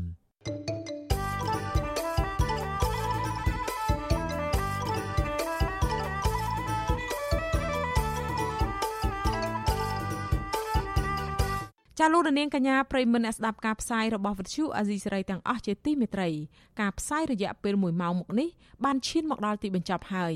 ចានាងខ្ញុំសូមជូនពរដល់លោកនាងកញ្ញាទាំងអស់ឲ្យជួបប្រកបតែនឹងសេចក្តីសុខចម្រើនរុងរឿងកុំបីឃ្លៀងឃ្លាតឡើយចាសម្រាប់ពេលនេះនាងខ្ញុំខែសុណងព្រមទាំងក្រុមការងារទាំងអស់នៃវិទ្យុអាស៊ីសេរីសូមអរគុណនិងសូមជម្រាបលា